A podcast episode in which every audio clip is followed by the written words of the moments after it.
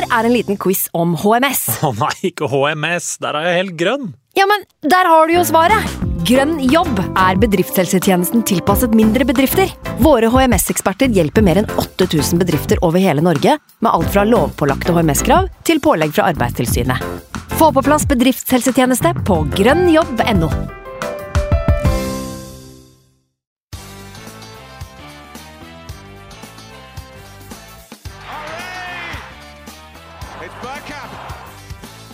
for grabs now! The next station is Arsenal. Hei og velkommen skal du være til en splitter ny episode med Arsenal Station med Magnus Johansen og meg, Simen Goffeng. Det er duket for en aldri så liten spesialepisode i dag. For i tillegg til at eh, Magnus og jeg tar en sedvanlig Arsenal-prat og byr på X-spillerspalten mot slutten, har vi i dag fått eh, storfint besøk. Det er en glede å ønske velkommen til en av de absolutt største agentnavnene i norsk fotball. Fra Ikea-ansatt til karrierebygger, mannen bak eh, Odion Igalo og Jens Petter Hauge bl.a. Velkommen til podden Atta Neke. Jo, tusen takk. Setter pris på å bli invitert. Har gledet meg til det her. ja, du rakk å glede deg litt, faktisk. Det er, Ja. det er ikke dårlig. Sant? Du, du har tid selv i en uh, travel uh, Ja, det er vel opptakten til det som skal skje utover sommeren her. Det er vel et overgangsvindu som akkurat har uh, åpna, det internasjonale. Eh, Jo. Du finner allikevel eh, litt tid å, å prate med to, to Arsenal-karer. Jo, definitivt. Det handler om å prioritere riktig. Da får man det til. Nei, Det setter vi veldig pris på. Veldig hyggelig at du ville ta deg tid til det. Um, Vi må jo bare spørre deg, Magnus, for det, det ene jeg liksom alltid har lurt på Jeg vet jo at Atta kan ikke svare for alle, men sånn åpenbare spørsmålet er hvordan ender man opp som fotballagent? Det er liksom det har jeg lurt fælt på. Det er vel én historie for deg og én historie for mange andre. Men, mm. men som jeg var inne på i introen her, så, så har det jo ikke vært hele voksenkarrieren, for å si det sånn. Eh. Hvordan, hvordan har dette liksom eh, blitt til? Nei, for min del så, så startet det fordi faren min han eh, startet en klubb som het Oslo City fotballklubb. Ja. Og de startet vel i åttende divisjon, og så tok jeg over eh, i ganske ung alder. Jeg tror jeg var 18 da, og da spilte jeg samtidig som jeg også styrte, styrte hele klubben. Eh, og Ja. i, kom ikke de seg opp til sånn tredjedivisjon eller noe sånt? da? jo, vi var faktisk i annen divisjon. såpass, ja. Så det blir jo tredje, ja tredje tredje nivå. nivå. Mm. Mm.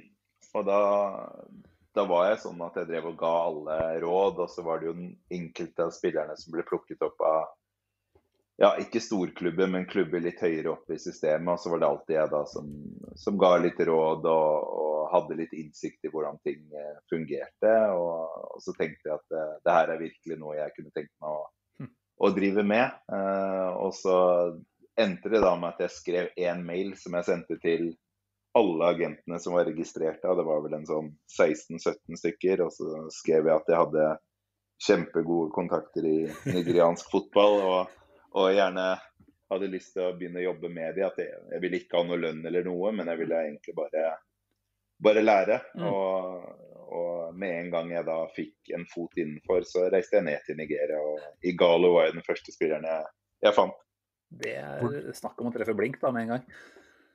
Hvordan, eh, hvordan eh, går du fram da, når du oppdager en spiller som tross alt har nådd så langt som Odion Igalo?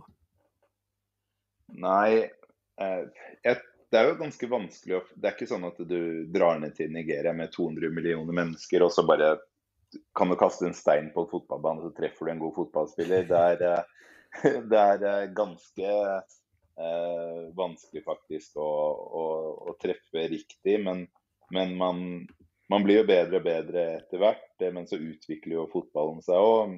Så, så jeg vil si at det var en kombinasjon av å ha gode kontakter samtidig som man også jobbet steinhardt og, og, og fant en type spiller som han. Men man kunne aldri drømme om at han kom til å bli så god som han, som han var. da, og Det er jo litt av det som er litt spennende med å dra ned og scoute og finne nye spillere. Man vet jo aldri hvordan, man, hvordan de spillerne takler det å reise på andre siden av jorda og kulden og, og den biten der. Så man selv om man mener at man har funnet en god spiller, så har du alltid den klumpen i magen hvor du håper han ikke driter seg ut helt på prøvespillet. Mm. Mm. Nei, for du, du var inne på det før vi gikk på luft her, at du er jo halvt nigeriansk, så der har du den linken der da, åpenbart til Nigeria. Men eh, du har jo på en måte fått litt rykte på deg for å være ja, egentlig ha god eh, kontroll på mye av afrikansk fotball etter hvert. Det er vel eh, også en del andre nasjonaliteter som du representerer. Eh.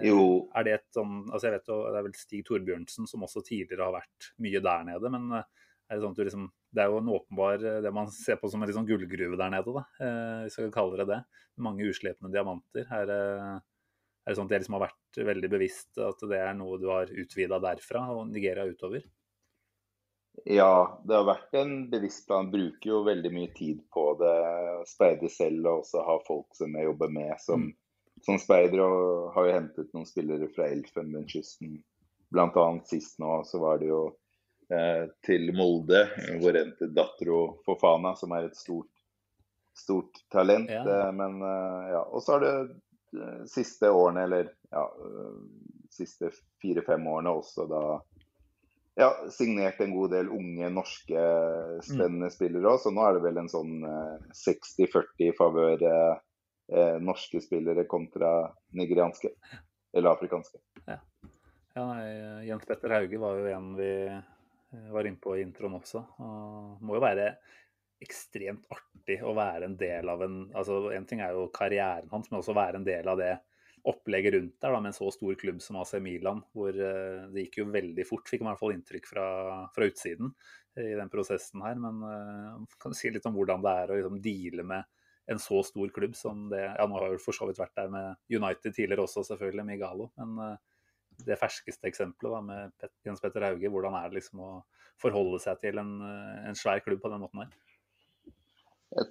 Jeg tror det har, det har veldig mye med hva slags folk som er i klubben nå, når du drar ned til AC Milan og setter deg ned med Maldini og, og Masara, så, så er de faktisk helt fantastiske personer. Og, og Maldini har vært eh, kjempelett å forholde seg til og, og vært som enhver annen forhandling. eh, Og jeg har vært der en del ganger etter det og blitt alltid tatt godt, godt imot. Så, men det er jo, det er jo litt eh, eh, hva skal jeg si, spesielt og de første gangene når du sitter med sånne folk du har sett på, på Sitter og sett på på TV når du var ja, når du var unge. så sett, sett Maldini fly rundt der, og så plutselig sitter du der og driver chatter med han under kamper på WhatsApp. Det er, det er jo Jeg skal innrømme at selv om jeg Det er jo ikke sånn at jeg sitter der og er starstruck på eh, på noen måte, men allikevel så, så føles det jo Du tenker av og til litt sånn wow, det, du har faktisk kommet dit hvor du sitter og, og forhandler med, med sånne personligheter. Så det, det, er jo, det er jo gøy, og ikke minst utrolig gøy når du da har jobbet med de spillerne i så lang tid, og, og bare se og så har det vært opp- og nedturer, og så ser du den dagen de da signerer for den type klubber. Det gir deg noe som agent, og det er de, det er de øyeblikkene man lever for. Ja, det er kult. Er det sånn at uh, du kan si at det er en sånn veldig markant forskjell på måten du blir tatt imot i en sånn storklubb da, som Milan eller, eller Manchester United, kontra mindre klubber? Eller er det litt mer tilfeldig, som du sier, ut ifra hvem det er som jobber i de klubba på gitt tidspunkt? Ja, jeg, jeg tenker at det, du, du merker jo at mye av det de gjør, er jo på topp, topp nivå i forhold til måten man blir tatt imot og hvordan de tilrettelegger besøkende når man er der nede. Men, men det har veldig mye å si på som du sier, de, de menneskene som sitter i, i klubbene der. Det har egentlig alt å, alt å si. fordi når du blir møtt med varme og du, du eh, da føler den gjestfriheten med en gang, så, så, eh, så har det mye å si. Eh, Det har det. Har du Nå er vi en Arsenal-podkast, selvfølgelig, så vi, vi, vi, eh, vi lurer jo litt på om du noen gang har hatt noe kontakt med Arsenal. Er, klubben vår er jo ofte kjent for å dra overganger litt utover tid og, og, og bruke masse tid kontra en del andre klubber. Har du, har du noen gang hatt noe befatning med Arsenal i, i karrieren din? Nei, jeg har faktisk ikke det når jeg, når jeg tenker etter. Jeg, det, det har jeg ikke. Eh, selv om jeg jeg tenker eh, at jeg sikkert har hatt eh, en eller to spillere som jeg mener hadde hatt noe å gjøre i, i stallen der. Så det får være et mål det om at jeg neste gang jeg er med på podkasten, at jeg kan fortelle om, eh, om kontakten jeg hadde med Arsenal. Det, det hadde vært bra. Det er jo lov å foreslå Fredrik Bjørkan, da, for vi trenger en backup på venstrebekken. og Sånn han har prestert i Eliteserien. Vi har spøkt litt med det i podkasten eh, lenge før vi hadde noen planer om å ha, å ha noen gjester eh, i den forbindelse. Så mm. det, er, det, hadde vært kult, da. Men eh, Absolutt. Jeg vet ikke, Simen. Uh, ja, altså, er det andre spillere du tenker? Nei, det var jeg også som foreslo Fredrik Bjørkan. Så jeg syns jo at med tanke på at det er et, et tomrom bak Kieran Tierne der, så jeg, jeg, nevnte det så vidt for deg at, at du bør jo prøve ja. å, å, spille, inn, spille inn det. Og det er jo et sånn større spørsmål igjen. Hvordan går man fram egentlig som agent? Altså Er det sånn at man melder interesse for spillere liksom utover? Eh, er det sånn at du liksom aktivt jobber ut mot andre deler av næringskjeden, eller er det mer at eh, de aktuelle klubbene tar kontakt med deg når det på en måte er spillere i din stall som, som har gjort seg interessante nok? Ja, nei. Eh, det er ofte sånn at jeg tar ofte, veldig ofte kontakt med, med klubbene. Selvfølgelig så, så, er det jo sånn når du har en god spiller som presterer, så er det også en del klubber som tar kontakt. Så det er mer sånn tidlig i prosessen. Når du da tenker at eh, ja, si Fredrik Bjørka, nå, nå er det på tide at flere klubber får øynene opp. Og da går jeg jo aktivt ut og kontakter de klubbene og ber de følge med. og Samme i Jens Petters sitt tilfelle, også Fredrik nå, så opplever du da at du har åtte-ti klubber som er veldig. Interesserte etter hvert. Da. Og, det, og da er det jo hyggelig når de klubbene også tar kontakt på egen hånd, når det ikke bare er du som, som maser. Men uh, det handler jo om kontakter, og etter hvert, uh, for hvert år som går nå, så har jeg bygd uh, større og større nettverk og har egentlig en inngang inn i, i de fleste de fleste klubbene. Men, hm. ja. Men det som er spesielt med England, er jo det systemet. Da. Det, tidligere så kunne man jo bare som norsk spiller gå direkte til Arsenal om de, om de ønsket det. Men nå holder det ikke bare med norsk pass, nå må de også ha nok poeng til å komme mm. inn under, under eh, det nye poengsystemet. Så per dags dato, selv om noen andre engelske klubber har vært på banen, så har vi ikke kunnet tatt Fredrik direkte til England akkurat nå. Nei. Faktisk ikke, nei. Vi snakka litt om de, de, poengsystemene der i forrige pod, faktisk. Så, men det er jo innvikla, og man må liksom regne seg godt fram i hvert enkelt tilfelle. Da. Men uh, per nå så har han altså litt for få Er det U21-landslagskamper? Han, uh, han, er vel på det nivået nå, uh, Bjørkan? Ja, han har jo debutert på A-landslaget nå, men det er også sånn at han må vel ha spilt ute i det hjelper om Glimt da kommer til Champions League og han spiller i mm. gruppespillet der. Da har han plutselig eh, fått eh, en del flere Dra hvor som helst, omtrent. Ja. Er det sånn at du tenker at han eh, er Jeg tenker i hvert fall når jeg ser han, eh, fysisk vidunder og mye ekstremferdigheter, tenker jo at han måtte ha passa veldig bra inn i Premier League. Er det lov å foreslå, foreslå det jobbes hardt for det, eller? Ja, det, det har tenkt samme, jeg har tenkt samme tanken eh, selv, selv, også. Og det har eh, som sagt også vært eh, et par klubber fra England som har vært på nå og forhørt seg, men da har de vært mer der at de kanskje vil ja, kjøpe han, signe han og mm. sende han på lån i type klubb i Nederland eller Belgia i et, i et år, men ja. Vi har ikke Høres ut som Chelsea der, da. Ja, det er, det er, flere klubber faktisk nå. Du har jo, du har jo også Sheffield United har en klubb i Belgia.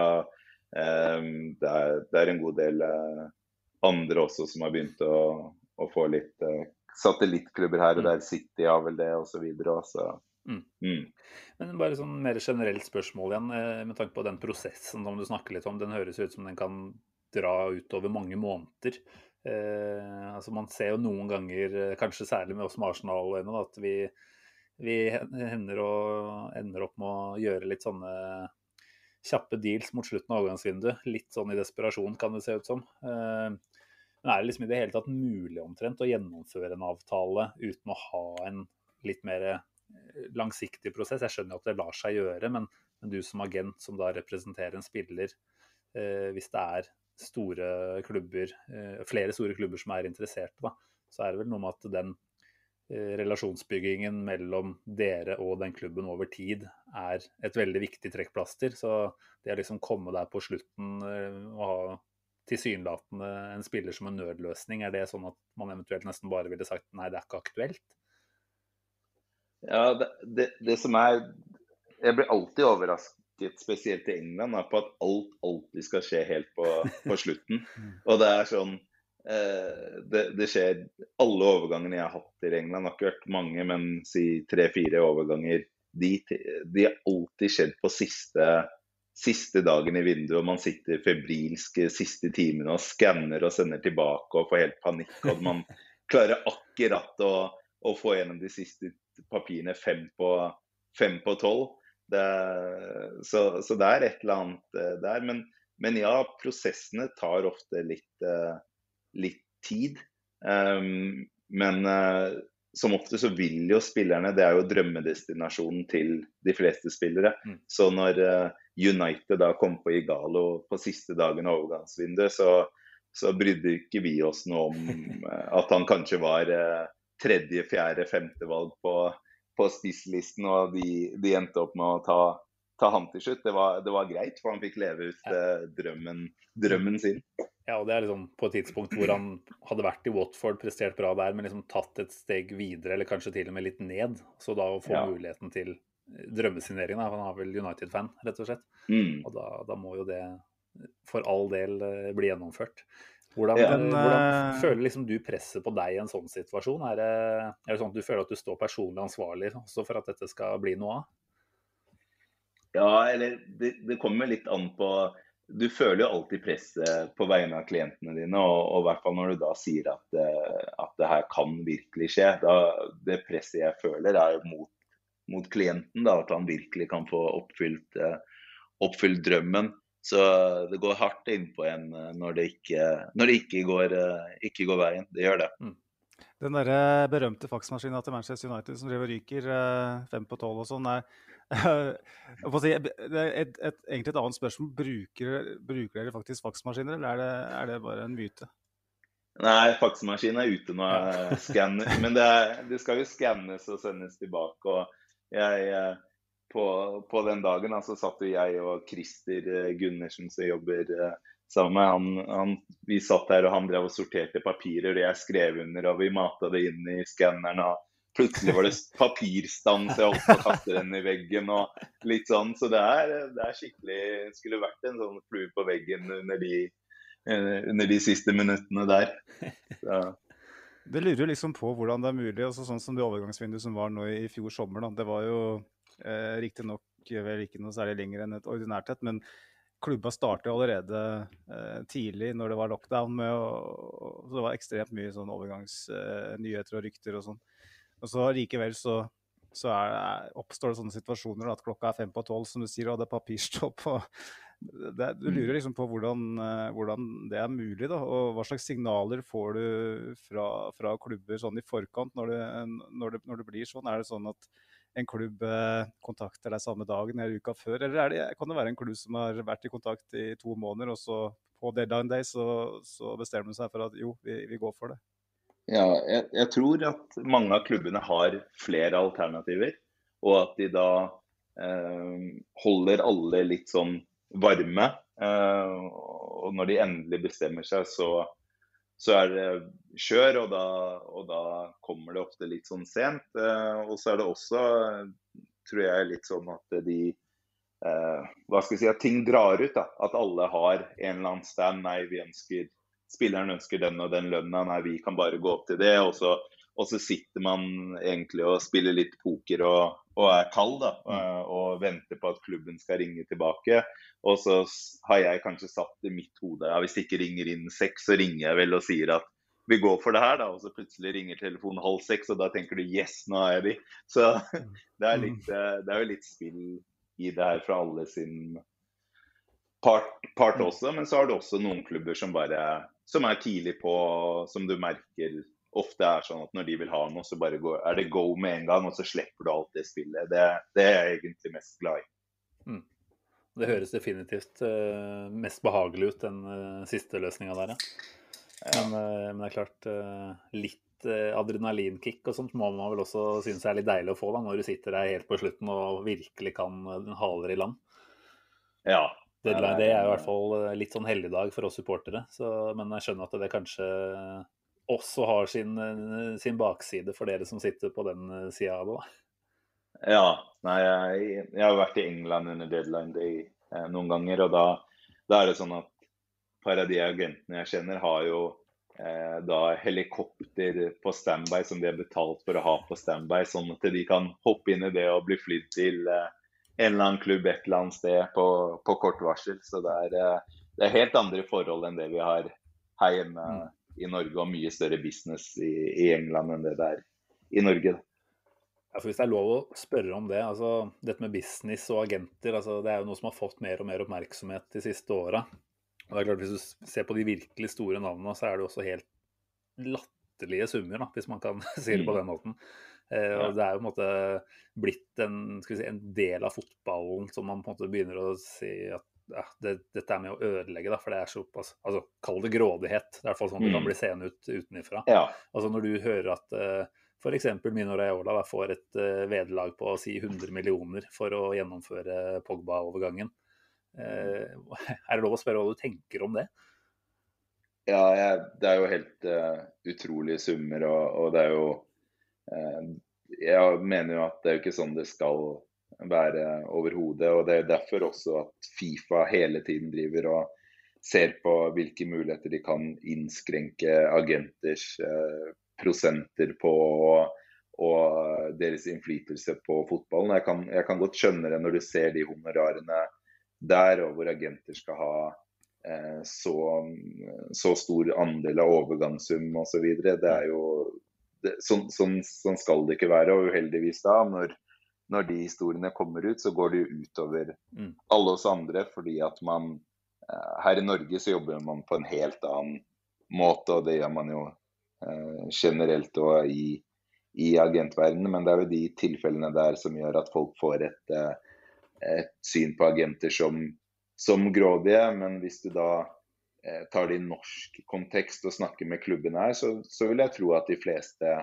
klubbene som, som jeg handler med, ser på oss som en ressurs. Og sammen så prøver vi å få mest mulig mm. penger inn i norsk fotball. Og man jobber jobber sammen. Og det er jo ingen av oss som får eh, eh, Som drar ut eh, mange summer som ja, i, i den klassen der overhodet. Mm. Så det blir en helt annen verden som ikke jeg kjenner meg selv igjen i, da, Nei. når du leser de historiene. Nei, Det er jo interessant, at, og det, det er åpenbart, men at det er såpass uh, store kulturforskjeller i måten man uh, ser på, på, dette spillet. Altså, jeg syns jo det høres veldig nobelt ut når du sier at man på en måte har en litt mer felles uh, innsats for fotballens beste. Selv om det på en måte blir litt sånn klisjéaktig å, å, si kanskje det også, så, så er det noe med at i hvert fall der norsk fotball er på rangstigen, så er man jo en helt annen posisjon i forhold til hva man kan kreve. Og så er det heller noe med å, bygge de profilene og gi de en best mulig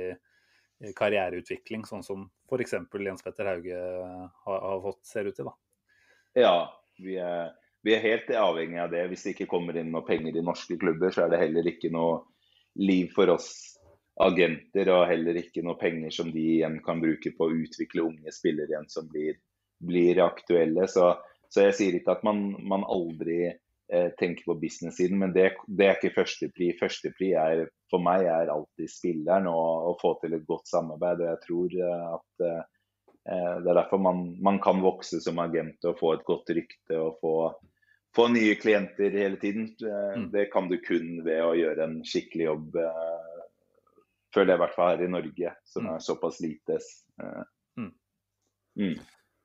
Ja, vi har jo fått et lytterspørsmål litt i, som er litt relatert til det her, fra Stian Børling, som er en fast lytter. Han, han lurer på han, han, skriver vi hører om disse superagentene som visstnok skal styre spillerne til deres ønske, ønskende destinasjon. Da.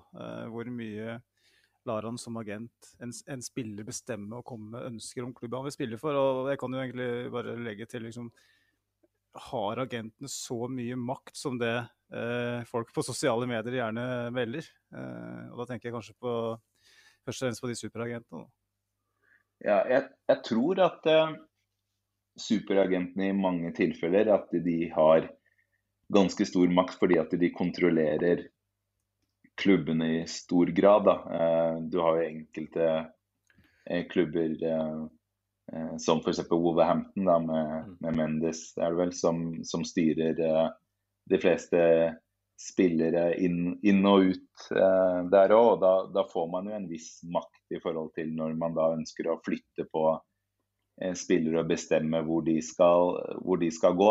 Så for min del, og sånn som det er her i Norge, så, så føler jeg at man, man, gjør en jobb som agent og kommer med forskjellige alternativer til f.eks. Jens Petter. Der hadde vi jo ja, kanskje seks-syv klubber som var aktuelle, og vi kjørte litt sånn runde hvor vi hadde litt Zoom og, og, og hørte planene. Og, og, så var det egentlig det å gi mine råd basert på, på det. Eh, og det er ikke sånn at jeg bare Dit skal du gå. Eh, sånn, sånn, er det bare. Eh, det, det, funker ikke. Men jeg tror at enkelte agenter i, som som da defineres som superagenter, de har kanskje to-tre klubber som de eh, styrer og kanskje eh, prøver å få, få, spillerne til de klubbene, da, i og med at de da eh, sitter med den makten de gjør. Men det er litt sånn mm. annet eh, Hva skal jeg si Vi driver med litt annen sport her i Norge, vi agentene, i forhold til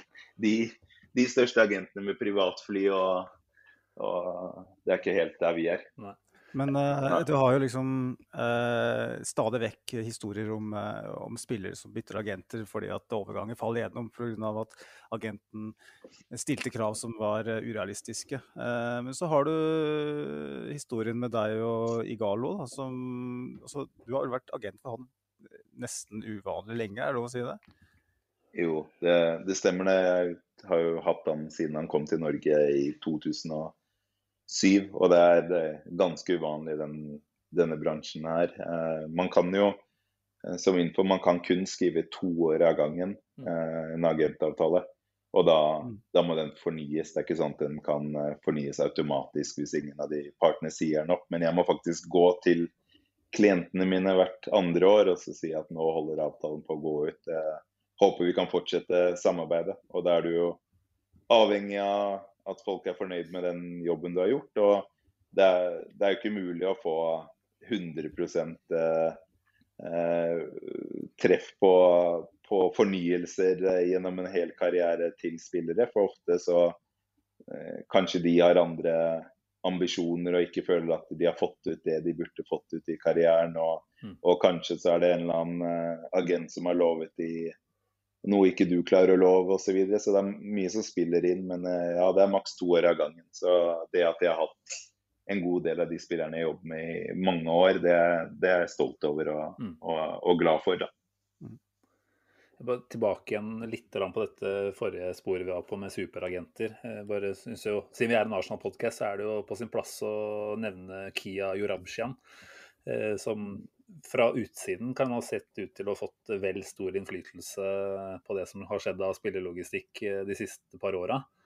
Eh, og så er det jo vært en sånn der litt mytisk historie om at eh, hvis man har et sånn type forhold, da, sånn som Arsenal har hatt med Vi har fått William, vi har fått David Louise eh, ja, Du kan jo sikkert nevne flere navn der også, Magnus. Mm. Cedric, eh, Cedric, er jo en del av de der. Eh, så har vi på en måte tenkt som supportere at ja, ja, vi får ta de kanskje litt sånn traurige, tunge, eldre kara der. Fordi da posisjonerer vi oss på en måte inn mot uh, den agentens uh, neste superstjerne, da, når han skal finne klubb til den. Uh, er, rimer det på en måte med sånn som du forstår en sånn type relasjon en agent har til en klubb, eller er det bare vi supportere som har funnet på noe? Nei, det, det rimer jo i stor, i stor, grad. Det gjør jo det. Det er vel det er jo alltid sånn for alle agenter, eh, selv for oss her i Norge òg, at du har noen klubber som du føler du har et ekstra godt eh, forhold til. Og, og, veldig ofte når du føler du har en god spiller, så tar du da kontakt med, med den klubben da, og, og, gir de muligheten til å hente den spilleren før du sjekker med, med andre klubber. Men, men, jeg personlig ja, det syntes det var litt sånn Jeg ønsker jo å ta spillere til klubber som klubbene virkelig vil ha. Jeg ønsker jo ikke å ta en spiller hit hvor de bare tenker ja, vi får bare være snill mot Atta, og så får vi neste, mm. neste stjerne han har på gang hvis vi tar han, tar han her. Uh, det hadde ikke vært så komfortabel med. Men, men, det handler jo om relasjoner, ja det gjør det. Og, og, uh, så jeg tror nok det, det du nevner, det, det vil jeg si er uh, høyst trolig at det er, det, det er realiteten. ja, det gjør det. Det er ikke noe tvil. Mm. Er det klubber som, altså Opplever du at det er klubber som da eh, i større grad enn andre nesten bortimot utelukkende baserer seg på eh, kontakt med agenter for å signere spillere, mens andre da mer har et speidernettverk som de, som de bruker aktivt? Ja. Eh, de, der ute i de store ligaene så har de fleste klubbene veldig veldig store nettverk. Sånn speidernettverk tenker jeg på, og speidere som er plassert ut og reiser rundt i hele verden og ser spillere. Men, eh, men igjen så, så, handler det om kontakter, og de har nok en del eh, Har nok noen agenter som de står ekstra nærme, og som de da lytter til litt ekstra når de kommer med, med noe. Så jeg tror det, det er veldig det er veldig forskjellig, men jeg håper og, og, tror at de fleste klubber av en viss størrelse har, har eh, det bygd opp på egen hånd og, og, baserer seg mer på det de selv ser, uh, enn en det en agent uh, kommer med. I hvert fall i den verden vi lever i nå, hvor du bare kan gå inn på Wisecout og, og se alle klipp av én spiller og alle berøringer bare timer etter at kampen er over. Eh, så, så ja. Mm.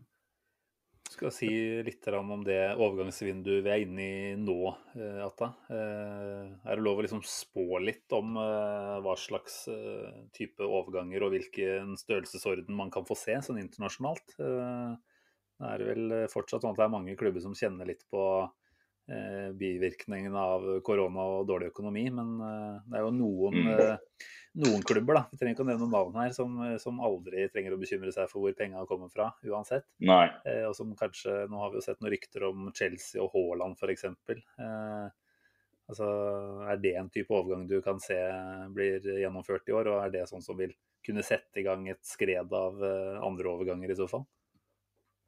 Ja, eh, det vil jo Det er jo alltid sånn som du sier at eh, når en stor overgang finner sted, så, så er det jo et så medfører det at klubber lenger ned i skjeden også har penger da, til, å, til, å, kjøpe spillere for, for det drypper jo, drypper jo nedover òg. Men jeg merker sånn generelt at det er mindre penger i systemene der ute. Og, og klubbene ser litt mer på kreative løsninger i forhold til lån med, med opsjon og, og, de tingene, og at de prøver å bytte spillere seg imellom. Men, men, du har alltid de som har penger uansett. Men at prisene har gått ned, det har de. Men eh, det vil jo alltid være sånn at de mest brennhete spillerne der ute, som Haaland, det vil alltid være en eller annen klubb der ute som er villig til å betale de pengene som, som kreves. Um, så, så, ja, det har hatt en stor effekt, men vi kommer fremdeles til å si, se de én-to store overgangene. Sancho, mm. Haaland, uh, Eh, men jeg er litt sånn usikker på om Haaland går nå i sommer. Egentlig mer tro neste år, selv om jeg ikke har noe inside på den der. Men men det er klart han blir jo betraktelig billigere neste sommer med den overgangs- eller utkjøpsklausulen. men da blir det også konkurransen være definitivt en del hardere, da. Eh, vi er veldig fornøyd for så vidt vi i den poden her, da, hvis Chelsea ikke slår igjen. Det hadde vært brutalt for vår del. ja. Det er, det er vel det, hvordan ser dere på mulighetene for at han ender i Arsenal? Arsenal har vel ikke de pengene, de? Nei, det er helt uh, usannsynlig, dessverre. Med mindre eieren uh, får solstikk og bare plutselig ja. begynner å bruke penger av sin egen formue. Så vi, jeg er egentlig mest redd for å se masse uh, små barn, inkludert dattera mi, med Chelsea-drakt og med Haaland på ryggen. Det ville vært ja. men, men, det er for så vidt et interessant spørsmål. Da, dette med uh, hvordan For Arsenal har jo, til tross for at vi nå har vært utafor Champions League i fem år, så har vi jo, likevel hvert å tro selv, en relativt stor stjerne på den internasjonale fotballhimmelen. Og det snakkes jo om at det er en god man har en god dra, drakraft eh, til klubben, til tross for de sportslige nedturene vi har hatt de siste åra. Men hvordan er Arsenal sett på i agentmiljøet, hvis du kan si noe om det? Eh, er det sånn at eh, det er en, eh, et syn på Arsenal som en av de, de store fortsatt, eller? Ja, jeg vil si en av de store, kanskje akkurat eh, som ligger der i vannskorpa mellom eh, de absolutt største og, og det sjiktet rett, eh, rett, under. Um, det vil jeg si. Fordi at uh, man vet at selv om de ikke kan bruke uh, mest penger i verden, så, så har uh, det Arsenal-merkenavnet en, en, skikkelig effekt der ute. Så, så, jeg vil si ja, eh, til det, ja, til det, men at de ligger akkurat i sjiktet der, eh, det vil jeg si. Men eh, jeg hadde i hvert fall vært strålende fornøyd om Arsenal hadde vært klar for å hente en, en av klientene. Ja, det, det, hadde vært gøy, altså. Det må jeg bare si. Ja. En, altså Nå har vi hatt Ødegaard, selvfølgelig, og vi er vel litt usikre på både om vi ønsker å betale så mye det er snakk om, og, og om han på en måte vil eh, være løsninga på alt. Men det å ha nordmann i klubben, det er jo uansett eh, ekstremt kult. da. Så ja. nei, vær så snill og jobb på for å kjøre ja. et stykke venstrebekk over kanalen på et eller annet tidspunkt. Ja, vi får, vi får, eh, vi får prøve på det, og da får jeg få med, få med, dere to, så får vi si at dere jobber i selskapet mitt. Og så får dere kjøre en sånn der minutt for minutt-podkast eh, fra innsiden i Arsenal der. Han mener å sikre deg, faktisk, så det høres bra ut. Det er et uh, jobbtilbud vi neppe takker nei til. Ja, vi får, vi får, legge en plan når, eh, når, det, når det, skjer. Men uh, altså, hva er liksom den kuleste overgangen du har vært med på? Ikke nødvendigvis den største, men liksom hvor det har skjedd, skal vi si eventuelt de, de mest uh, artigste historiene, skal vi kalle det det. Hvis det har vært noen sånne krumspring som, uh, som man liksom ikke pleier å høre om. Er det, er det noe som skiller seg ut her? Ja, Den som alltid blir dratt opp, er jo den der Igalo når han eh, visstnok hadde gitt sitt ja til Brann, og så kom Udinese på banen. Den kommer, den kommer alltid opp i i diskusjoner og står alltid at det var Roald Brun Hansen sitt fall osv. Det var jo Det var eh, en ja, litt sånn eh, spesiell greie hvor, vi, hvor det tilbudet kom, og så takket jo Lyn ja. Og så var vi oppe og møtte Brann på, på, Gardermoen, og så var jo ikke vi klar over at Torstein Helstad var, eh, var blitt eh, solgt, eller var i ferd med å bli solgt. Og så ble det presentert eh, hvordan de kommer til å spille sammen i tospann og bli en, en skikkelig duo der. Og, så, og med en gang, og da var vi superpositive, og vi fikk jo det vi ønsket. Men så sa Igalo at han måtte ta en prat med eh, familien eh, for å på en måte eh, virkelig kunne gi sitt ja. Og med en gang vi går ut, så har jeg ti ubesvarte, og så er det Udinese som er klare for å kjøpe han. og og da Ja. Og resten Da ble det jo en stor føljetong med Brann mm. som mente de hadde blitt lurt, og Torstein Helstad var solgt, og, og det, var, det, var, så mye styr. Og jeg var i Italia der, og telefonen glødet hele tida, beskrevet artikkel etter artikkel. Og når det er første overgangen din sånn et, under et år etter at du ble agent, så er du rimelig svett når, når alle i Bergen Eh, sikkert har deg på topp tre, mest forhatte Ja, det er fæl gjeng å ha på nakken. Altså. ja, det var, eh, jeg var ganske svett da, men det jeg gjorde da, var jeg var jo helt fersk. Jeg bare skrudde av telefonen min og, og, og bare tenkte at det her, det her, går over, tenkte jeg bare. Og det, det gjorde det. Og hvem, hvem, er det som ikke takker ja til Udinese? I hvert fall hvis alle alternativet er Brann, ja. Må, så ærlig ja. må vi være, si. Ja, men, men, altså, ja, fordi det å være agent, det, det, medfører jo åpenbart at det blåser litt rundt øra på deg iblant. Og det er mange interesser uh, som spiller inn. Er det sånn at Var du forberedt på at det også hadde mye, mye pes med seg, den jobben der? Hvor du sikkert uh, både må gjøre deg selv upopulær og, og også kanskje klientene upopulære. For, og, og, ikke for å nødvendigvis presse fram overganger, men for at det skal skje en utvikling. da. Ja, jeg, jeg tror at eh, Jeg håper og tror at her hjemme i Norge så føler jeg selv at jeg har et kjempeforhold til alle klubbene og sportssjefene osv. At man på en måte respekterer at jeg har en jobb å gjøre, og det er nummer én for klienten min. Men det er måten man gjør, gjør ting på, da. Så, mm.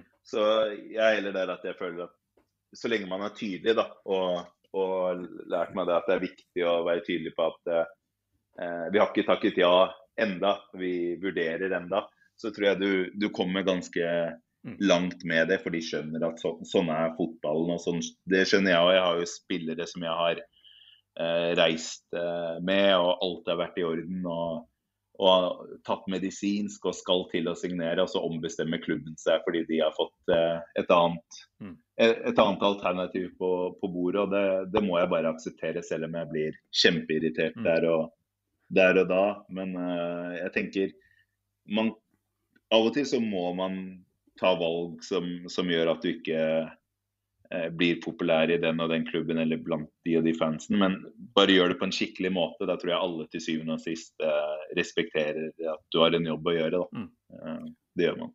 Ja, vi, men, det er jo litt interessant det der med, med de, de, prosessene der. fordi det lyttere våre kanskje lurer aller mest på, vil jeg tippe, er jo litt eh, hvordan man skal tolke det som blir skrevet i avisene. Uh, og klart Selvfølgelig for vår del som holder med Arsenal, så har vi jo de engelske tabloidene. Så det, det bobler jo over av, uh, av overgangsrykter. Blir jo linka til 300 spillere hver sommer. Og mm. man, man, velger gjerne å tro på mye av det uh, for å kanskje gjøre sommeren enda bedre. Da. Man, man, man, blir nesten lurt til å tro på noe som er usannsynlig. Mm. Er det altså, hvordan, eh, hvordan, bruker dere agenter, for å si det på den måten, da? eller hvordan, hvordan forholder dere til pressen? Eh, og, og, hvor mange av de Eller hvordan ser du på Egentlig skal jeg spørre.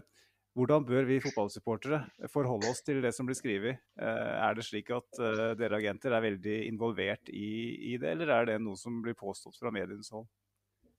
Mm, jeg tror det er en kombinasjon av at mediene er veldig, veldig, veldig på og skal være ute først med, med nyheter. Og, og, hver gang de får tips som er litt sånn ymse, så, så er det en del som hopper på de og, og skriver, skriver, ting som overhodet ikke stemmer. Jeg har jo selv opplevd det med, med en del av mine klienter hvor de blir linka til klubber som vi aldri har pratet med, kun basert på, på tilfeldigheter eller rykter som ikke stemmer overhodet.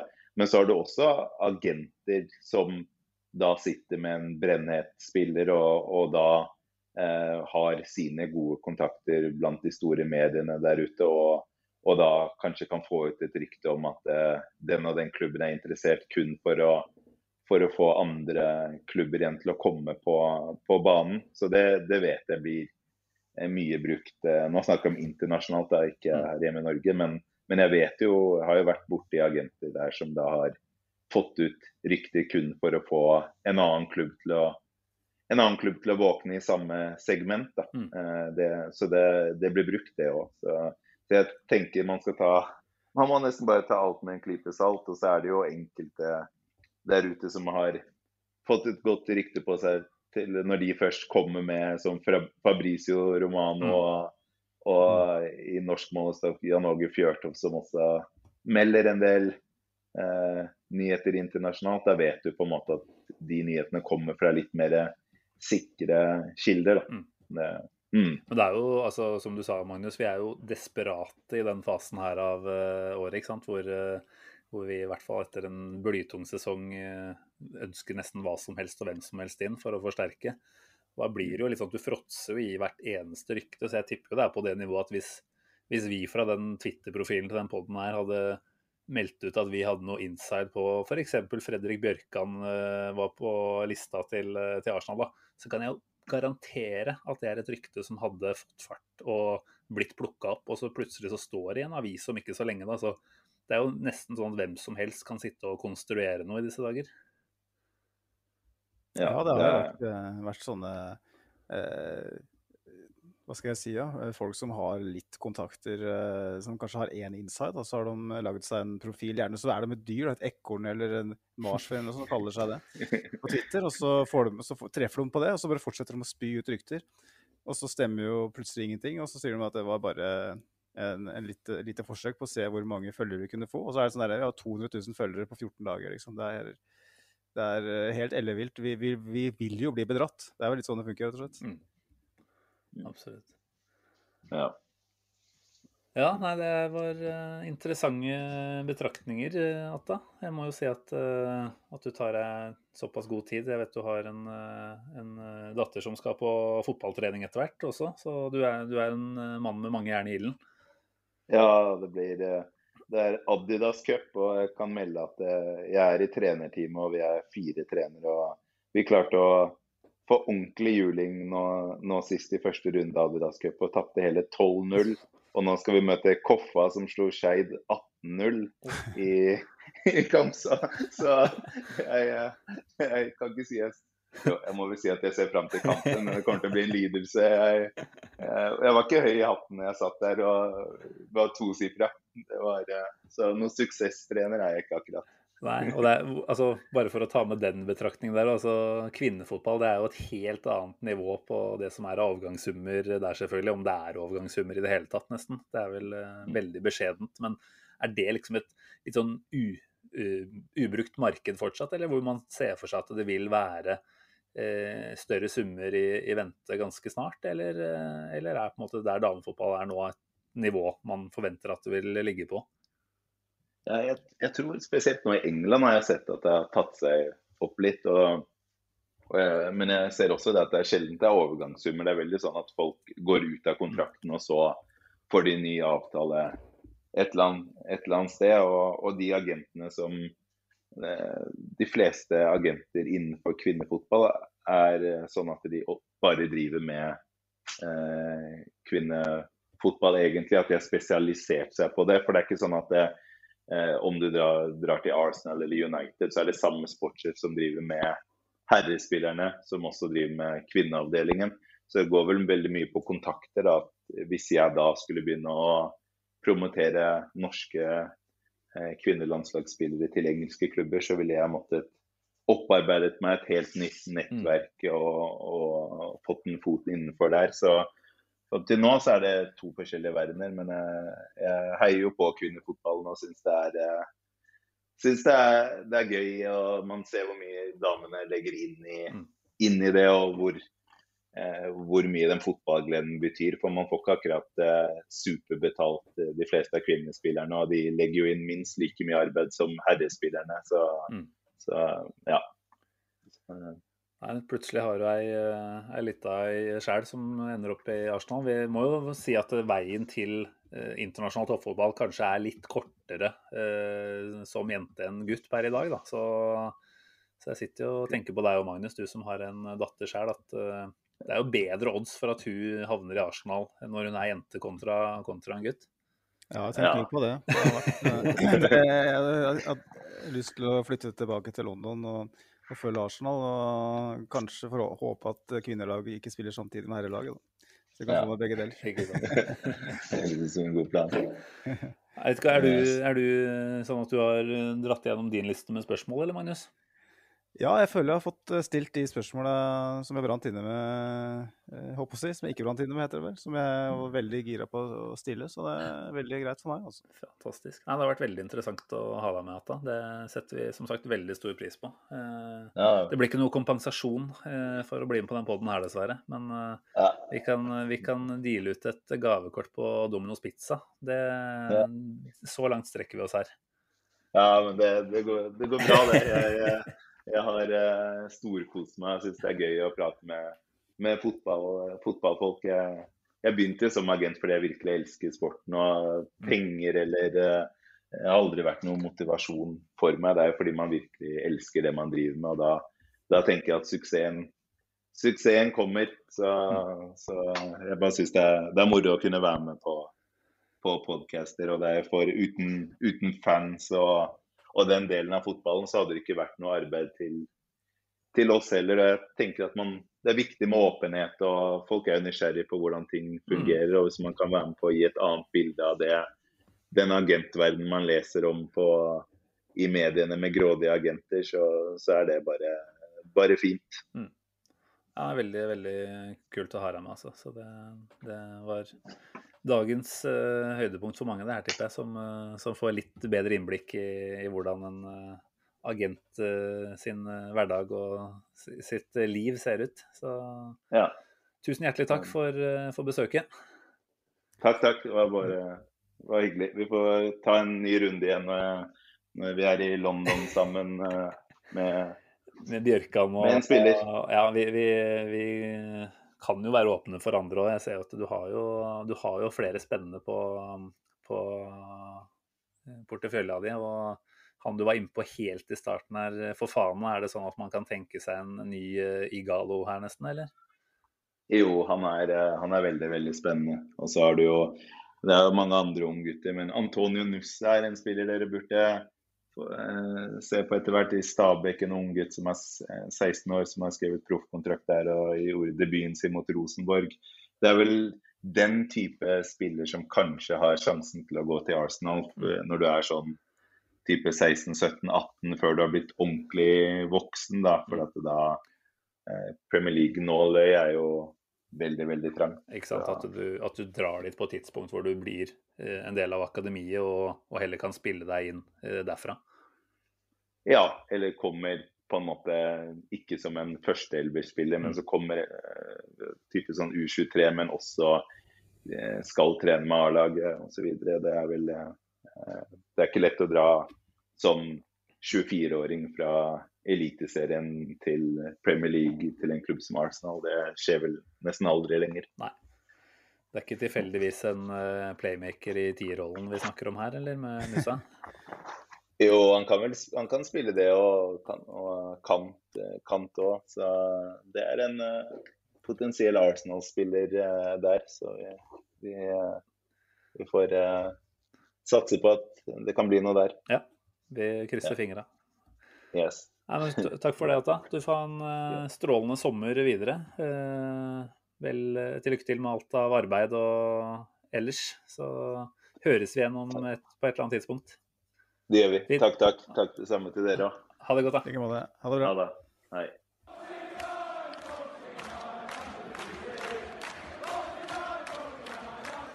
Old Trafford 24.10.2004. Arsenal ranes på høylys dag og går glipp av muligheten for ligakamp nummer 50 på rad uten tap. I tunnelen etter kamp går det hardt for seg, og et spansk supertalent tar på seg jobben som pizzabud og serverer en feit slice i fjeset på den legendariske manageren. God pizza kan serveres på flere måter. Vi i Arsenal Station foretrekker å få den levert rykende fersk på døra fra Dominos. For hva er vel bedre enn å slå seg ned i sofaen med Arsenal-kamp og en deilig pizza med mengder av fyll og ost?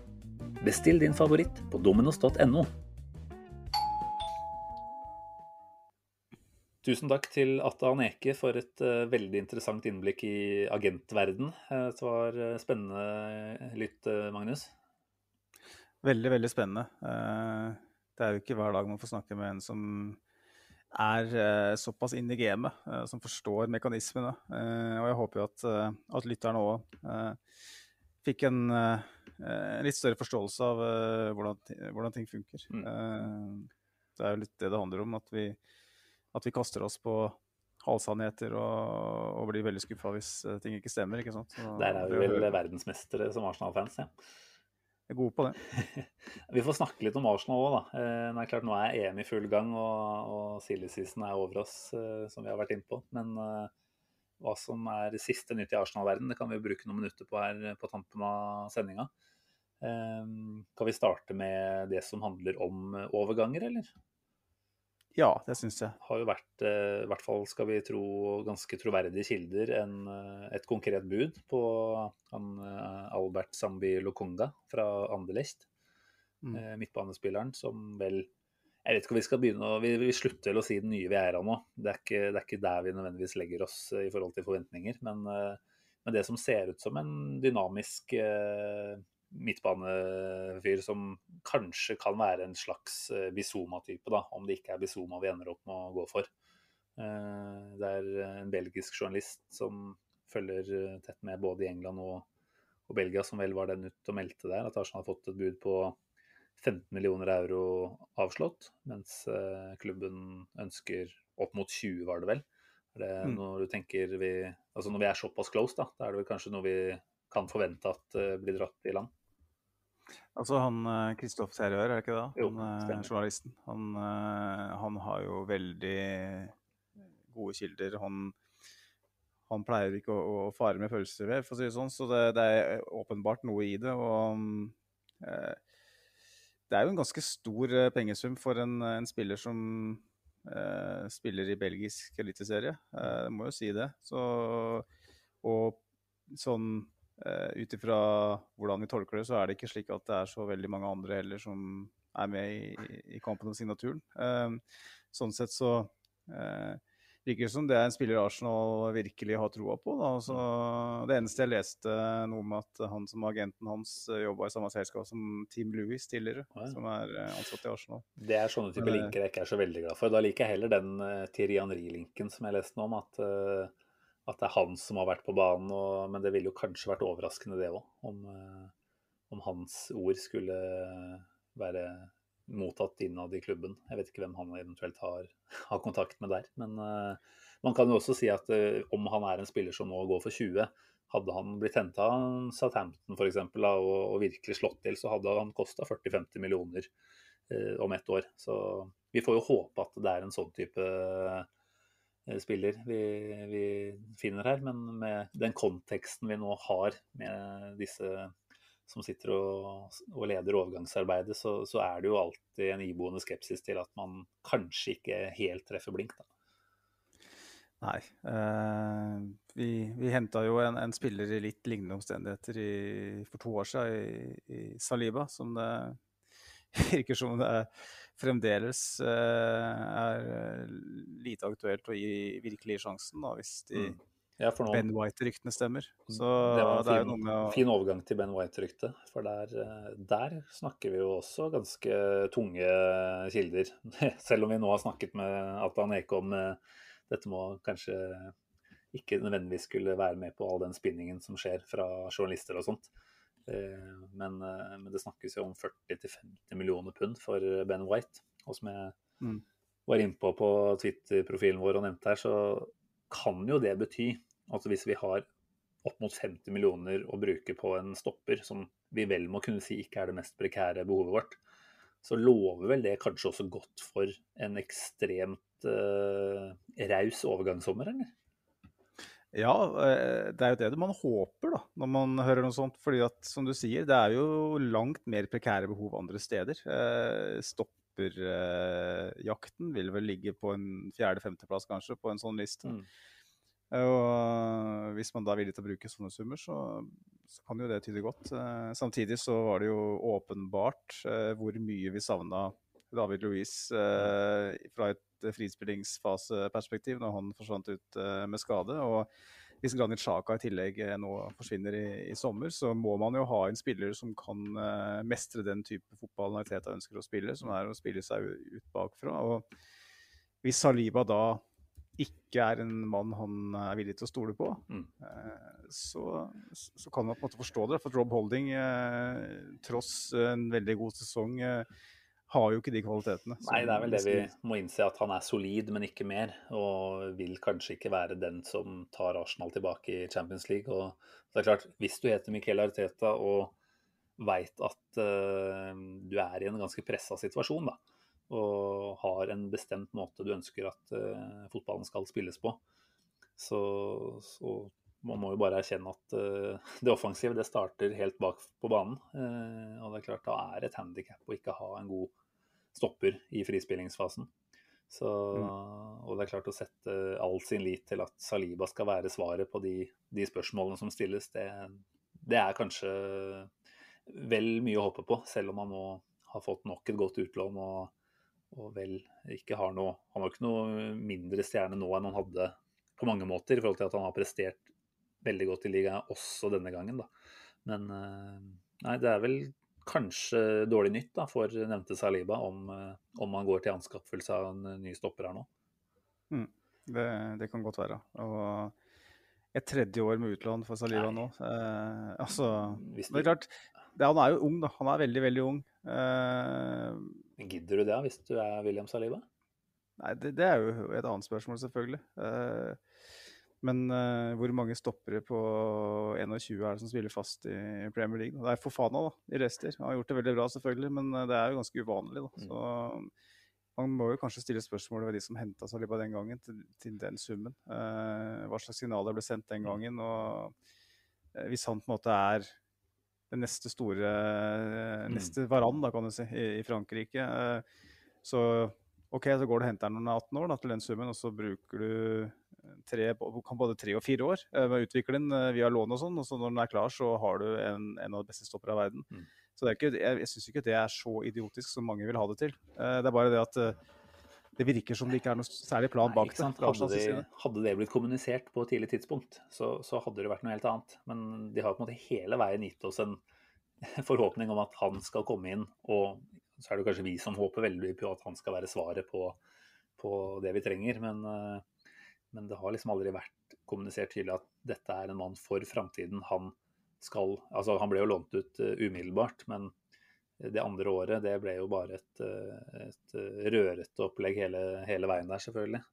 Så det blir spennende å se. Det var jo som du var inne på, verken du eller Arteta som, som gjennomførte den overgangen. Det er et poeng. Så vi får, vi får se. Eh, ellers, da? Er det noen andre ting som er viktig å ta fram på Arsenal-fronten? Nei, det har vært ganske stille. Det er jo EM nå. Eh, Jeg kan jo nevne det at eh, at du har med en idiot å gjøre her. For det EM 2020 det skulle jo bli spilt i 2020, egentlig. Så jeg drev og planla fisketur her, så jeg stikker jo Jeg blir borte ei uke. I uke 27 er det vel, så jeg går jo glipp av eh, kvartfinaler og semifinaler, og i verste fall finale. Fordi jeg skal slå av telefonen ei uke. Men, eh, så det er litt synd, da. eh, når du ikke får sett, får sett EM. Men sånn er det når du er en eh, idiot. Eh, Det handler om prioriteringer, som ble sagt tidligere her. Ja, det er noe med det, da. Men uh, EM eh, så langt har jo bydd på litt av hvert. Men uh, for meg egentlig, og for de aller fleste egentlig, litt ødelagt. Uh, selv om det gikk bra, det som skjedde på skjedde i Parken nå på lørdag Mm. Christian Eriksen. En eks-Tottenham-spiller. og det, det sier litt om, om, om hvor lite viktig fotball er. Mm. Når sånt nå skjer, så, så ber jeg like mye. Jeg, på ikke at jeg, jeg er ikke kristen men, jeg, eller religiøs, men eh, jeg håpte like mye på Christian Eriksen sin, sin vegne som på hvilken som helst Arsenal-spiller. på en måte. Altså, Mm. Fotball blir så lite viktig. Og eh, det er bare eh, Det er bare litt sånn trist, syns jeg, da, at, at det danske laget da måtte ut og spille Mm. fotball igjen etter et par timer bare. Jeg vet ikke hva du tenker Det var jo om det. Veldig mye kritikkverdig, og det er jo blitt diskutert opp og ned i mente overalt. Alt fra hvordan eh, denne dekninga pågikk mens han fikk livreddende førstehjelp ut på matta. Det, som helsepersonell selv, da, så uten at det kanskje betyr så mye her, så bare kjenner jeg at det, det provoserte meg ekstremt mye. Eh, den eh, mangelen på respekt man har for både den situasjonen man står overfor, og på familien som blir uh, zooma inn på i nærbildet. Jeg syns det er eh, Ja, det er helt grotesk, groteskt, rett og slett. Og jeg ser jo at eh, alle skylder på at Uefa sin sending ble Det var, var den som på en måte sto for det, men alle hadde jo et selvstendig ansvar og mulighet til å kunne, kunne bryte av. Så det håper jeg virkelig blir tatt en runde på. Eh, det er klart det er jo noe som heldigvis skjer så sjeldent at det er jo kanskje ikke noe man har planlagt for. På samme måte som man har med veldig stygge ankelbrudd, f.eks. Som man nå liksom Man har slutta å vise repriser, og man går vekk fra nærbilder. Men, mm. men intuisjonen hos alle til stede og involverte der burde være at dette er så alvorlig, dette må vi ikke vise. Så det ble jo en altså en sånn ja, nesten en slags underholdnings-TV-løsning, vet du, hvor du sitter og følger med i real, real time på hva som skjer her.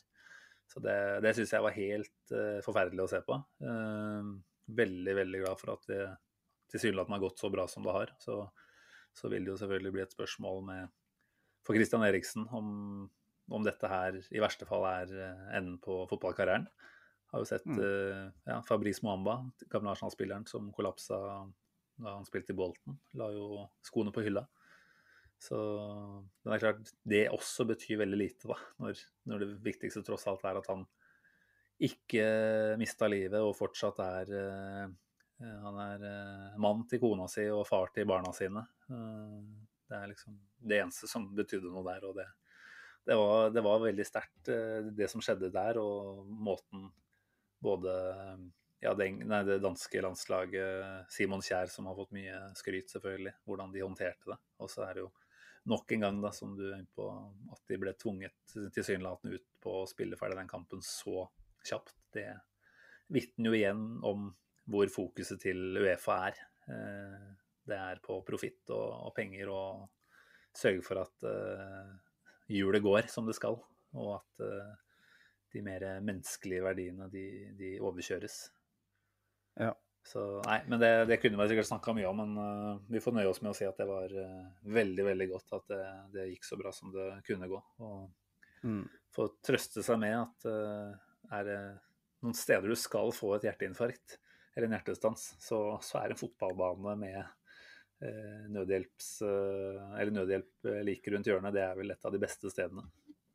Jeg har faktisk en av mine beste kompiser Ja. skjedde jo det her med for fem år siden. Eh, han spilte i femtedivisjon, og der var det jo ikke sånn type utstyr, men det var en på laget hans da, som uh, kunne hjerte- og, og lungeredning, som redda han. Og holdt den i, i sjakk fram til ambulansen kom. Uh, og etter det så ble det veldig mye fokus lokalt der da, på at klubbene skulle kjøpe inn, kjøpe inn hjertestarter og, og sånne ting. Og at spillere skulle, og lagledere osv. skulle ha kurs. Så Mm. Eh, sånne situasjoner fører alltid til en, eh, et, et fokus, da, en, eh, en bevisstgjøring rundt det. Så forhåpentligvis så, så, så kommer det noe godt ut av det. Mm. Det er verdt å nevne at den kompisen du snakker om der, er en av de bedre lookalikene til Aaron Ramsey. Så for så vidt bare å minne folk på at hvis de, hvis de skulle dukke opp eh, Hvis de skulle se oss i London på et eller annet tidspunkt og lure på om vi har med Aaron Ramsey, så er det faktisk ikke det. Da er det bare en, en kompis av Magnus. Jeg blir sikkert veldig glad for å høre. Det hadde jeg vært strålende fornøyd med. Hvis, eh, det er klart, hvis jeg hadde hørt det 100 ganger, så hadde jeg kanskje blitt lei. Men jeg syns det, eh, det er en god eh, mann å ligne på. Hadde vært fornøyd. Nei, ellers da. EM får bare nesten dure og gå.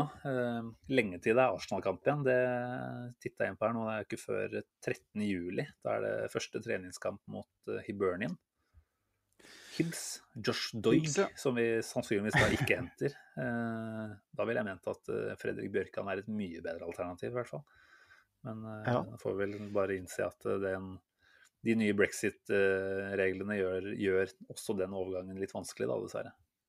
De kan vi jo kanskje ta i allerede i neste episode, eller når det skulle passe seg. Så har vi satt oss litt inn i de reglene, så vi kan Jeg trodde du snakka om det forrige gang. eh, Ikke Ja, det var så vidt, var det ikke da? Vi hadde vel ikke noe sånn eh, reell gjennomgang av det. Det var vel ikke. bare litt sånn rundt Lokonga. Eh, Så vi kan, ta, vi kan snakke litt med detaljert om det. Eh, Nå begynner jeg å få litt eh, tidspress eh, her, Simen. Eh, Jeg har òg ei datter som skal eh, ikke, Hun har vært på fotballtrening, så hun trenger eh, å få seg en tannpuss og en flortablett og litt diverse. Så eh, jeg har en X-spillerspalte som jeg Det handler om prioritering, Magnus. ja, det gjør jo det. Ivrig etter å komme i gang med å snakke om en, en gammel helt, hvis det passer seg. Det kunne jo ikke passa bedre, tenker jeg, å runde av med den sedvanlige X-spillerspalten. Så det er bare å kjøre i gang det så fort du er klar. Takk for det. Arsen Wenger ringte meg og fortalte at Barcelona ønska å kjøpe meg. Da jeg spurte ham hva han mente om det, svarte han hvis du har lyst til å gå, så ønsker jeg deg lykke til. I ettertid angrer jeg bittert på at jeg ikke sa nei takk til overgangen. Dagens X-spiller er en av mange Arsenal-spillere som har latt seg forføre av Barcelonas skinnhellige tilnærmelser. Som med de fleste andre virka det ikke som selverklærte, guddommelige klubben hadde en plan for hvordan talentet hans skulle forvaltes. Da han ankom treningsfeltet, visste ikke treneren hvilken posisjon han skulle spille i. Og det til tross for at vi snakker om en svært velkjent spiller. I Arsenal herska det derimot ingen tvil om midtbanespillerens egenskaper. På en irrgrønn hybrid-matte klippa med neglesaks for anledningen, ble han i 1997 presentert for pressen. Konservative, plumpudding-konsumerende, tesippende erkebriter med sixpence og rutede blazere ble nærmest mo i knærne av synet av Arsenals nyeste tilvekst. Med et Colgate-hvitt smil, lange, lyse lokker og en fløyelsblå dress lyste glamouren mot dem. Glamouren var ispedd en bestemt barskhet, og han kunne like gjerne iført seg middelalderklær og tatt rollen som Legolas. Noen vil også hevde at han kunne gjort en grei jobb i hemsgymnastikkindustrien. På banen skled han sømløst inn sammen med en annen elegant landsmann. Og Arsenals midtbane var nå helt etter Wengers ånd. Professoren kjente nemlig nyervervelsen svært godt, da det var han som ga dagens X-spiller seniordebuten for Monaco noen år tidligere.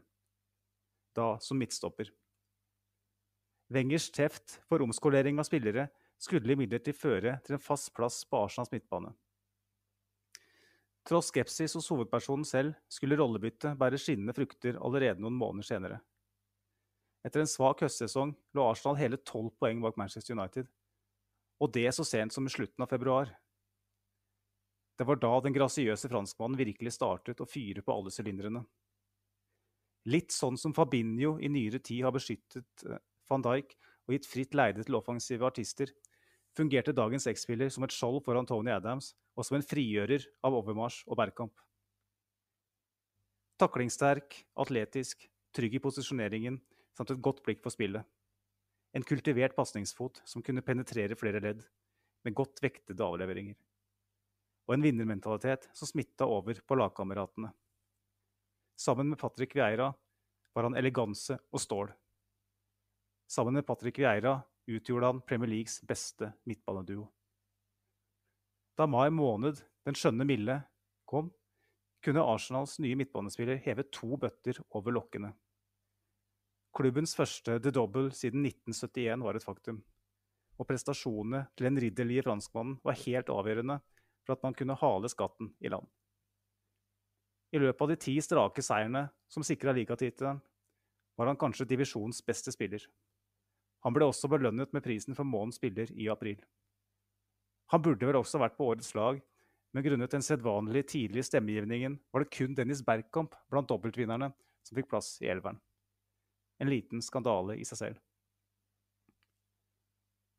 Han var nå nærmest un uunnværlig for The Gunners, og i den påfølgende sesongen ble han endelig stemt inn på årets lag, sammen med Vieira. Dessverre røk alt på målstreka for de regjerende mesterne, som måtte se United høyne dobbelen med en trippel. At han da kun ett år senere skulle forlate Nord-London til fordel for katalanske yppersteprester, hadde ingen sett for seg. Vi som sveipa innom tekst-TV og leste at både Overmars og Petit var klare for Barcelona, kunne kjenne at mageinnholdet gjorde ukontrollerte rundkast. Heldigvis hadde professoren en plan. Ankomsten i Barcelona er allerede omtalt, og det skulle ikke bli så mye bedre. Skader og manglende tillit sørga for at den franske verdensmesteren var tilbake i London kun ett år etter at han reiste til den spanske østkysten. Dessverre var det i blått vi skulle se ham denne gangen. Chelsea, som på det tidspunktet ikke hadde et sovjetisk statsbudsjett å rutte med, fikk kloa i midteleganten. Men borte var eksklusiviteten, borte var lokkene, og borte var selvtilliten. Det var en redusert utgave vi fikk se på brua. Arsenals Legolas, mannen med fløyelsblå dress og lekne lokker, passa kanskje inn i bybildet i Kensington-området. Men det var der hvor de trange arbeidergatene slynger seg rundt ærverdige Ivory, at Emmanuel Petit fant sitt hjem. Sorry, jeg glemte å unmute meg selv her, ja. jeg var sikker på, eh, i hvert fall de første linjene her, at vi skulle til eh, Alexander Kleb, altså. Det må jeg bare si. Var, altså, jeg, når jeg tenker Legolas, så er jo selvfølgelig Petit eh, en bedre kandidat. Men det, det er noe litt sånn billig variant, First Price-variant av Legolas over Kleb, altså. Så, så der, der bomma jeg. Men uh, han var jo en, uh, en viktig part, uh, som du sier, i den suksessen vi hadde på både slutten av 90-tallet og starten av 2000-tallet.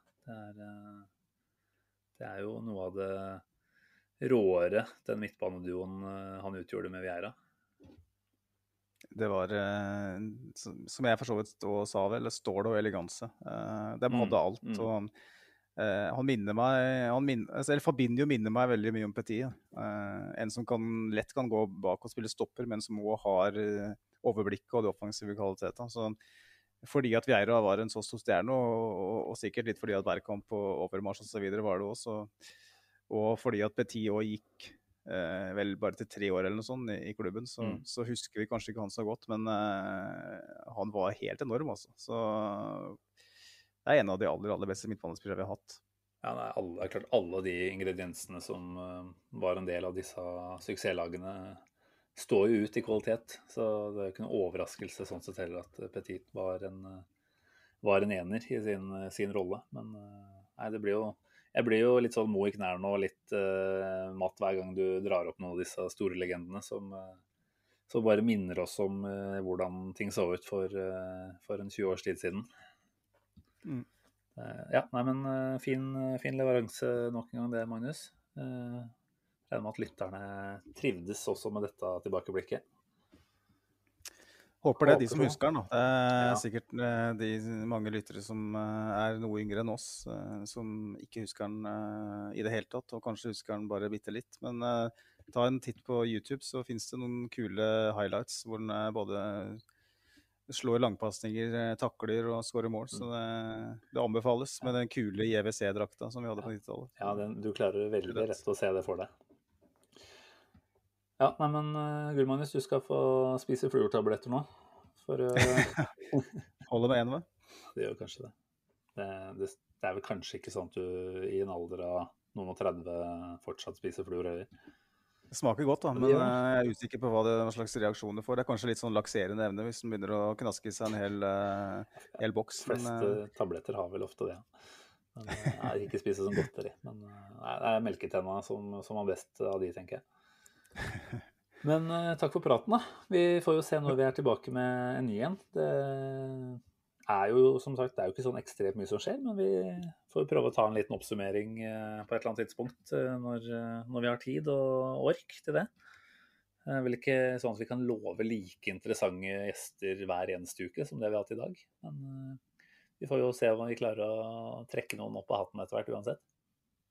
Absolutt. Og så er det litt ferieavvikling som skal skje etter hvert også. Det vil kanskje være litt lengre pauser enn vanlig. Men vi skal i hvert fall prøve å ha en viss uh, rytme på, på poddinga i løpet av sommeren. Det er jo en glede for oss å snakke litt, uh, litt om Arsenal uh, oppi alt det internasjonale som foregår på EM. Så. Det skal jo også sies at det er litt deilig å ha EM og bare ikke bekymre seg så fælt for, for, hva som skal skje på banen. Bare gå til det med en sånn ja, underhold meg. Det er jo ikke alt man blir underholdt for så vidt, men det hender jo at det blir slitsomt med nasjonalkamp. Så en liten ferie også fra, fra favorittlaget vårt eh, har vi kanskje godt av. Eh, særlig, særlig, de som sliter litt med, med hjerterytmeforstyrrelser og sånt.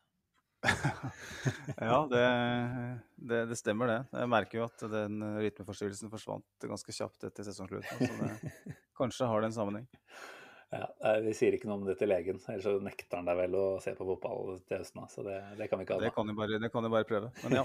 Eh, er bra, må jeg opp og knaske tabletter. Gjør det. Eh. Til alle lyttere så setter vi som alltid stor pris på om du har lyst til å gi oss en like på Facebook eller en follow på Twitter. Eh, da er det vel bare å si takk for at du putta oss i ørene, og så høres vi igjen om ikke så altfor lenge. Ha det bra. Ha det.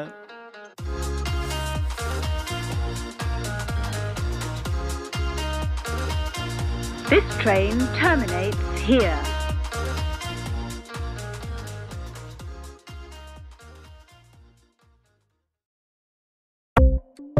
Ukens annonsør er HelloFresh. HelloFresh er verdens ledende matkasseleverandør og kan være redningen i en travel hverdag. Mange av oss har nok vandret i butikken både sultne og uten en plan for middagen, som ender med at vi går for de samme kjedelige rettene gang på gang. Middag burde være dagens høydepunkt. Som Hello Fresh kan du nå velge mellom 25 ulike retter hver eneste uke, eller få Hello Fresh til å sette sammen menyen for deg. Dette gir deg muligheten til å prøve nye og spennende retter alene eller sammen med familien. Du velger antall porsjoner og får alt levert på døren på et tidspunkt som passer for deg. Oppskriftene er enkle, og maten er lett å lage både for store og for små. Ved å få alt levert hjem får du også mer tid til å dele matgleden med familie og venner. Kanskje det frister med asiatiske tacos eller greskinspirert kylling? Da kan jeg anbefale deg om å gå inn på hellofresh.no.